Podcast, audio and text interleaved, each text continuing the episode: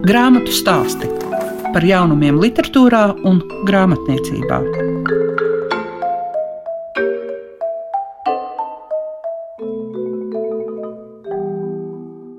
Šīs nedēļas grāmatu stāstu klausītājiem būs iespēja uzzināt par tiem nominētajiem darbiem, no kuriem viens iegūs Latvijas balvu prozas sadaļā.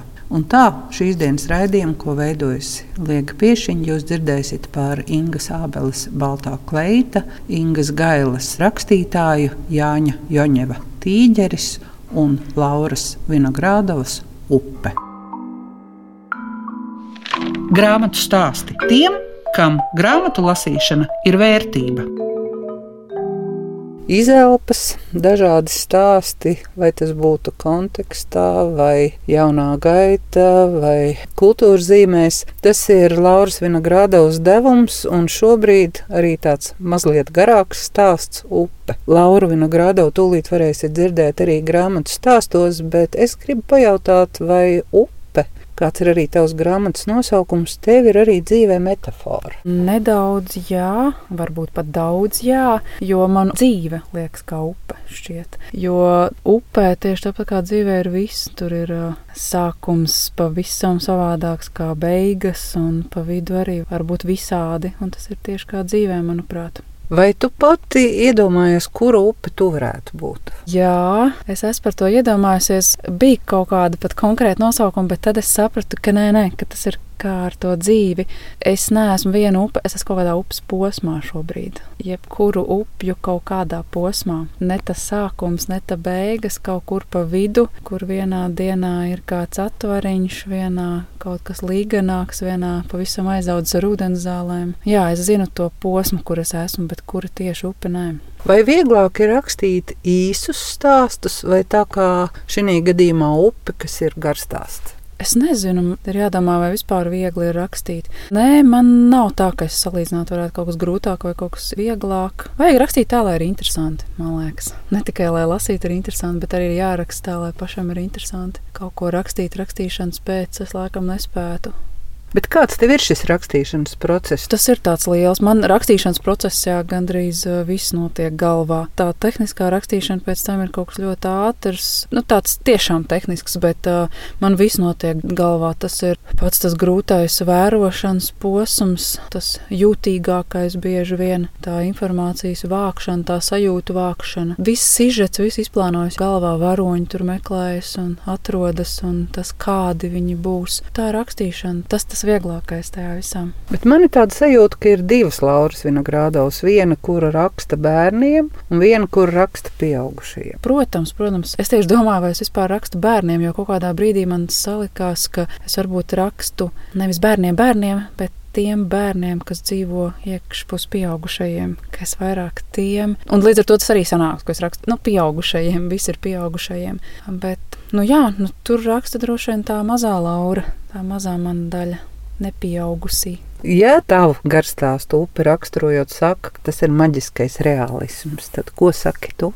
Maģisks, nē, tur vispār nekā maģiska nav. Tas ir tikai realisms, manuprāt. Nu, jā, tāda dzīve. Bet, ja tā, tad mana dzīve arī ir maģiska. Jo, protams, ka katrs rakstnieks jau ieraksta arī ļoti lielu daļu sevis. Nevar būt gluži, ko viņš ir piedzīvojis, bet nu, kaut kā jau no rakstniekiem no mums visiem ir tajos darbos. Un tad arī mana dzīve ir maģiska. Nu, skaisti. Nu, ja mēs runājam par to, kā iegūst pieredzi, lai varētu uzrakstīt grāmatu, šī gadījumā tev ir arī zvejnieks, ārzemes Kā tu iegūti, piemēram, kaut vai šādu pieredzi? Nu, man pagadījās satikt ļoti labu cilvēku, kurš ļāva ielīst viņa galvā. Kristofs ir reāls tēls. Tie, protams, nav viņa notikumi, bet, lai saprastu, lai sajustu, lai spētu par to rakstīt, es viņu ļoti tincināju. Ļoti. Līdz pat tādām galējībām, kā tuk, tuk, ko tu šodien klausies, tieši šobrīd, ko tu klausies, kādu mūziku vai kas tev mugurā, kā tu izskaties šobrīd. Ļoti, lai saprastu visu to. Man ļoti interesēja arī,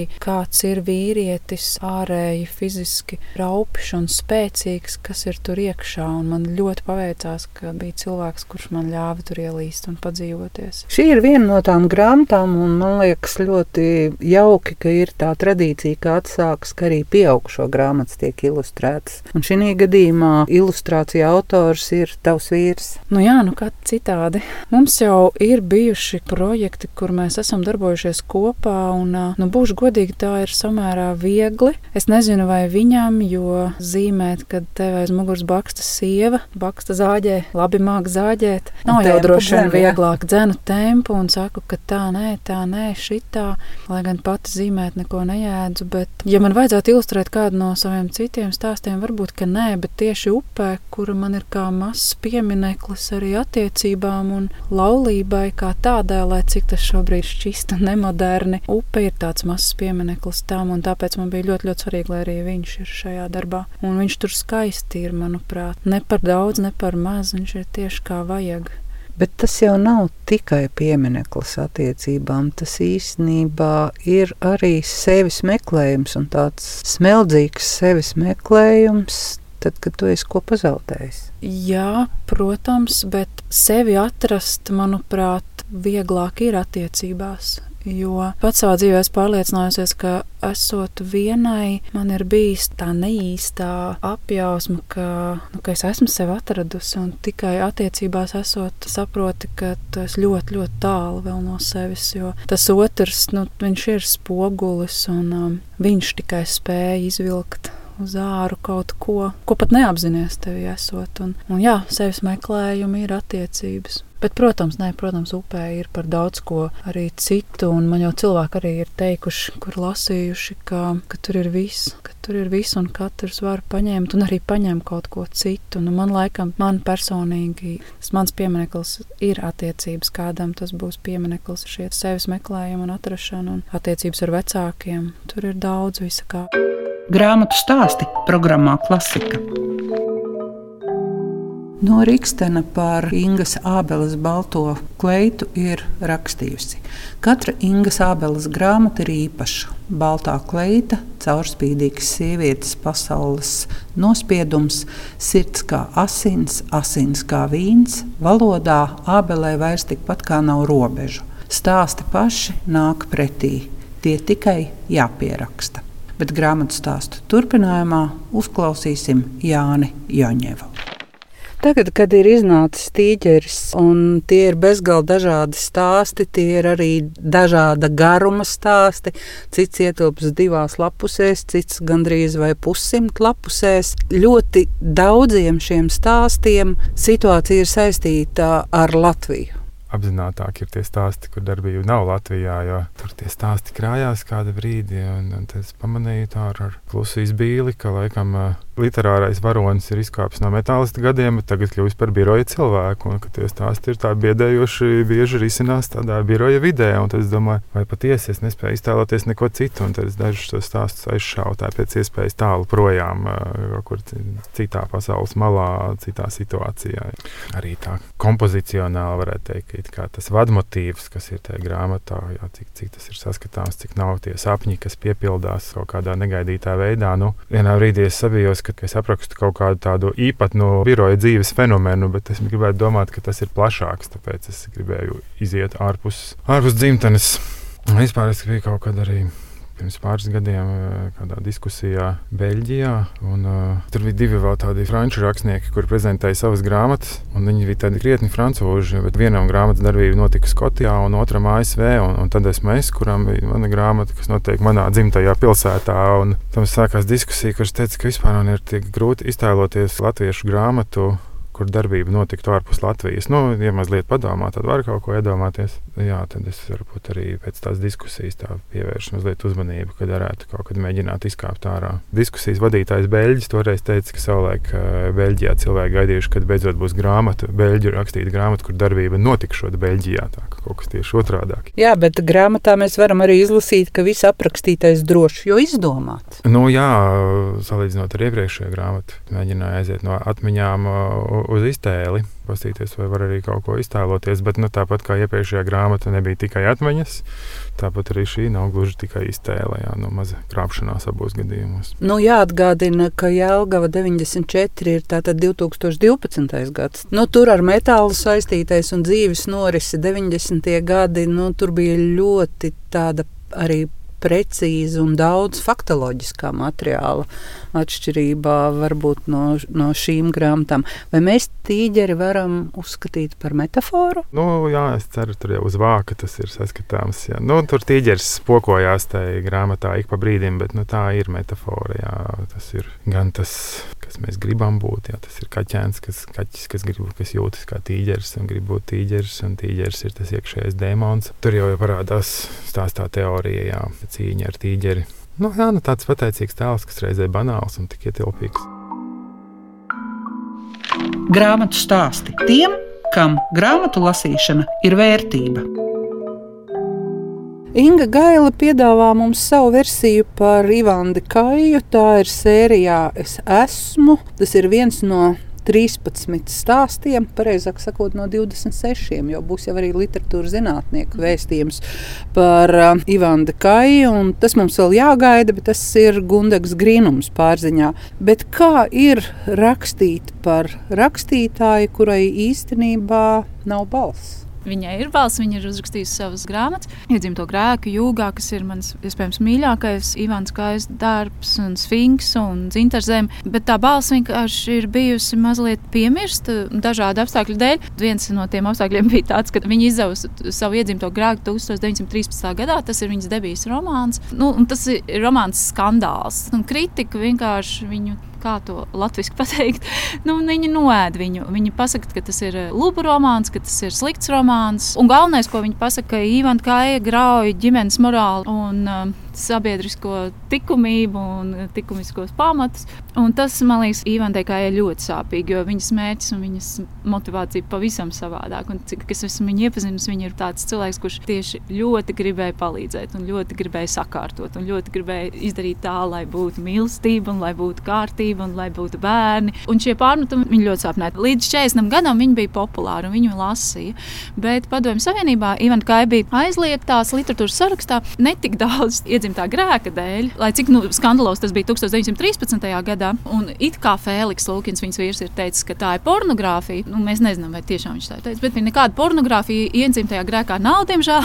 nu, tas ir labs romāns ar tēlu sistēmu, ar viņu attiecībām, un tas, kas ir visus satrauc, ir tas, ka viņi runā par sievietes tiesībām un, un arī par vīriešu pienākumiem uzvesties ētiski tikpat augstvērtīgi, cik tas ir pieprasīts no sievietēm. Tas bija tas kanāls, kāpēc tas notika, un tāpēc padomju laikā viņi nebija iedzimtā grēka tika aizliegta, bet lielā mērā dēļ savas dienas grāmatas, kas tika publicēta 37. gadā, un kur viņa apraksta šausmas, kad lielinieki bija 19. gadā. Ivan Kai mēs kaut kādā ziņā varam saukt par kāļu un iespējams pirmo svarīgāko tādu PR cilvēku, kas palīdzēja viņam un kas veidoja viņa tēlu un kas uzsvēra tās labās lietas, kas ir Kārlī Ulmanī un rakstīja par viņu daudz un atbalstīja viņu. Lūk, un tāpēc viņi tika aizliegti padomju laikā. Protams, ka pēc neatkarības iegūšanas viņas darbi ir pārizdoti, bet man liekas, ka joprojām viņi ir jāaktualizē, jo, lai arī ir pagājuši simts gadi, mums joprojām ir ļoti aktuāls daudz tās tēmas, ar kurām saskarās pati Ivanta Kāja un viņas varonas. Piemēram, jūgā, man liekas, ir ļoti aktuāls darbs par to, kā tas ir, kad vīram ir jaunas attiecības, kas notiek ar bērniem, kādas tās ir ciešanas visiem iesaistītajiem. Bet jautājums bija, kā tas ir rakstīts par tādu rakstnieci, kurai it kā nav balss. Nu, jā, jo mēs jā. nepieminējām, ka viņa slimības dēļ. À, nu tādā ziņā tās visas interesantas lietas. Bet nu, man bija ļoti interesanti rakstīt par Ivanu Kāju. Man ļoti viņa aizrāva. Man šķita brīnišķīgi. Es pateikšu arī par to balstu, bet tās divas tēmas, kas man ir ļoti svarīgas, par kurām es rakstu un kas man bija svarīgas Ivanai Kājai, ir tās telpas tēma, vai viņai kā sievietei un arī trīs bērnu mātei, vai viņai bija telpa un laiks priekš rakstīšanas. Kā viņas laika biedra Virģīna Vulfa runā par istabu, kas ir nepieciešama katrai rakstniecei, lai viņa varētu kļūt par rakstīnieci. Domāju, un rakstot rakstītāju par to, vai viņai bija tā telpa un laiks, vai viņai bija pietiekami daudz atbalsta tam, lai viņa varētu kļūt par rakstītāju. Ne, nu, viņa bija piedzimusi kā rakstītāja, bet vai viņa varētu kļūt par rakstnieci? Un um, otra tēma tā tad ir sievietes seksualitāte. Un to grāmatu es veidoju tā, ka es sāku no beigām, no viņas dramatiskās nāves, jo 41. gadā Ivana Kāju ejot uz baznīcu, iespējams, Ziemassvētkos notriec vācu bruņmašīnu. Un uh, vācietis aizved viņu uz pirmo slimnīcu, un tur viņa pēc astoņām dienām, 42. gada 2. janvārī mirst. Bet pirms tam jau Ivāns Kais liktenī bija tas, ka 1921. gadā aprīlī viņa grib lasīt lekciju Valmjerā par sabiedriski svarīgiem jautājumiem, tostarp arī par sieviešu tiesībām, bet ne tikai par latviskumu un par veselību, kā veidot veselīgu ģimeni. Mirkli pirms šī priekšlasījuma viņa piedzīvot smadzeņu trieku, viņai tiek paralizēta visa labā puse, un pirmos trīs gadus viņa ir pavisam sliktā stāvoklī, bet tad viņa iemācās pa jaunu, gan arī staigāt. Viņai arī ir runas spējas zaudētas, bet nu, cik nojaušams prāts ir saglabājis savu veselumu, jo viņa raksta,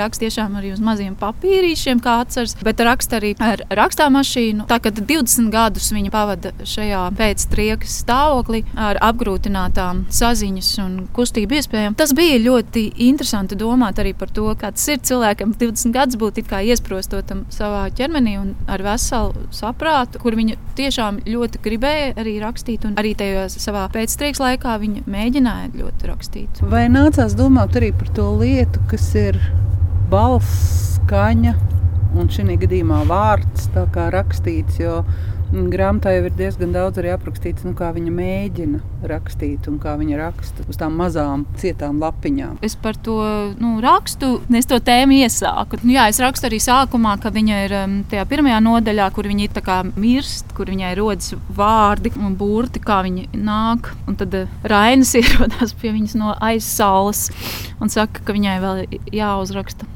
kaut kas. Nu, jā, bet es, protams, domāju par to, kā rodas tā valoda. It sevišķi pēc tam, kad es pabeidzu romānu, es esmu sākus domāt par valodu un par to, kā rodas vispār valoda. Un nu, arī par to, cik ļoti sistēma, piemēram, esošā sistēma ietekmē valodu, vai cik ļoti tā ir sieviešu valoda, kas mums eksistē. Un, tomēr tā ir diezgan patriarchāla valoda, kura ir jau izveidota. Un katru reizi, kad sieviete, piemēram, rakstniece uzraksta kaut ko traucējošu vai savādāku, ka mēs jau arī kā lasītāji mēs izlasām, mums ir mazliet atgrūšanās, tāpēc ka tas ir kaut kas cits, kaut kas neparasts, kaut kāda jauna valoda iespējams. Nu, protams, tas notiek arī ar vīriešiem, ja viņi arī iziet no valodas sistēmiskuma, no kaut kāda pierastā. Protams, jā, es domāju par, par to, kā tas radās, un es arī domāju par to, kā tas viņai bija piemēram 20 gados, un es mēģinu arī tur rakstīt viņas iekšējo monologu. Protams, tikai mans minējums, un tas ir vairāk mans iekšējais monologs, bet tomēr es mēģinu domāt, kā tas bija, ka viņa nevarēja dabūt ārā tos vārdus fonētiski rakstiski, bet iekšā viņai bija daudz to vārdu, kurus viņa arī gribēja uzrakstīt, un tie stāsti, kurus viņa gribēja izstāstīt. Grāmatu stāsti programmā Klasika.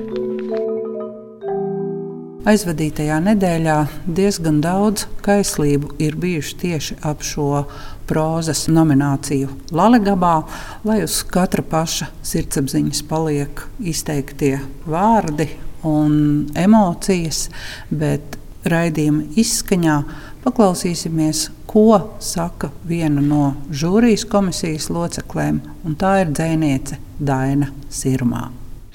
Prozas grāmatas ir ļoti dažādas. Un tagad ienāk šī jaunā sērija, es esmu kur bija pieteikta Laimas Skotas romāns Cilvēks ar zilo putnu, un kur bija Andra Zeibota romāns Krauklis. Ļoti pamatīgi un, un nopietni un dziļi darbi. Nu jā, nav iekļauti. Trešo gan mēs iekļāvām Ingas Gailes rakstītāju par Ivandi Kāju. Ļoti grūti pateikt arī šeit kādas tur virsotnes. Nu, liekas, ka tās tomēr nav šo autoru labākās grāmatas. Jāņa Tīģers, Inga Sābels, Balta Kleita, Lauras Vinogrādovs upe, jā, un Ingas Gailes rakstītāji. Es katrā ziņā gribēju, bet palika mazākumā, es gribēju noteikti Andras Manfelds vilcēnu, kas man atstāja satriecošu iespaidu, jā, un es katrā ziņā gribēju arī Andra Zeibuta kraukli. Un es katrā ziņā gribēju arī Viļa Kasima Līzergina blūzu,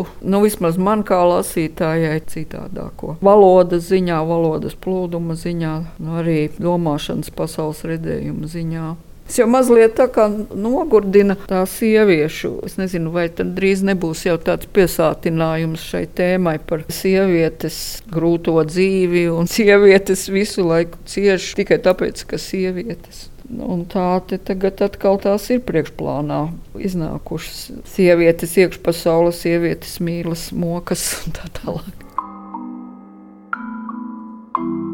Izskan grāmatu stāstī. Šīs dienas raidījumā dzirdējāt par Latvijas prozas nominantiem. Visu labu jums saka Liega Piešiņa.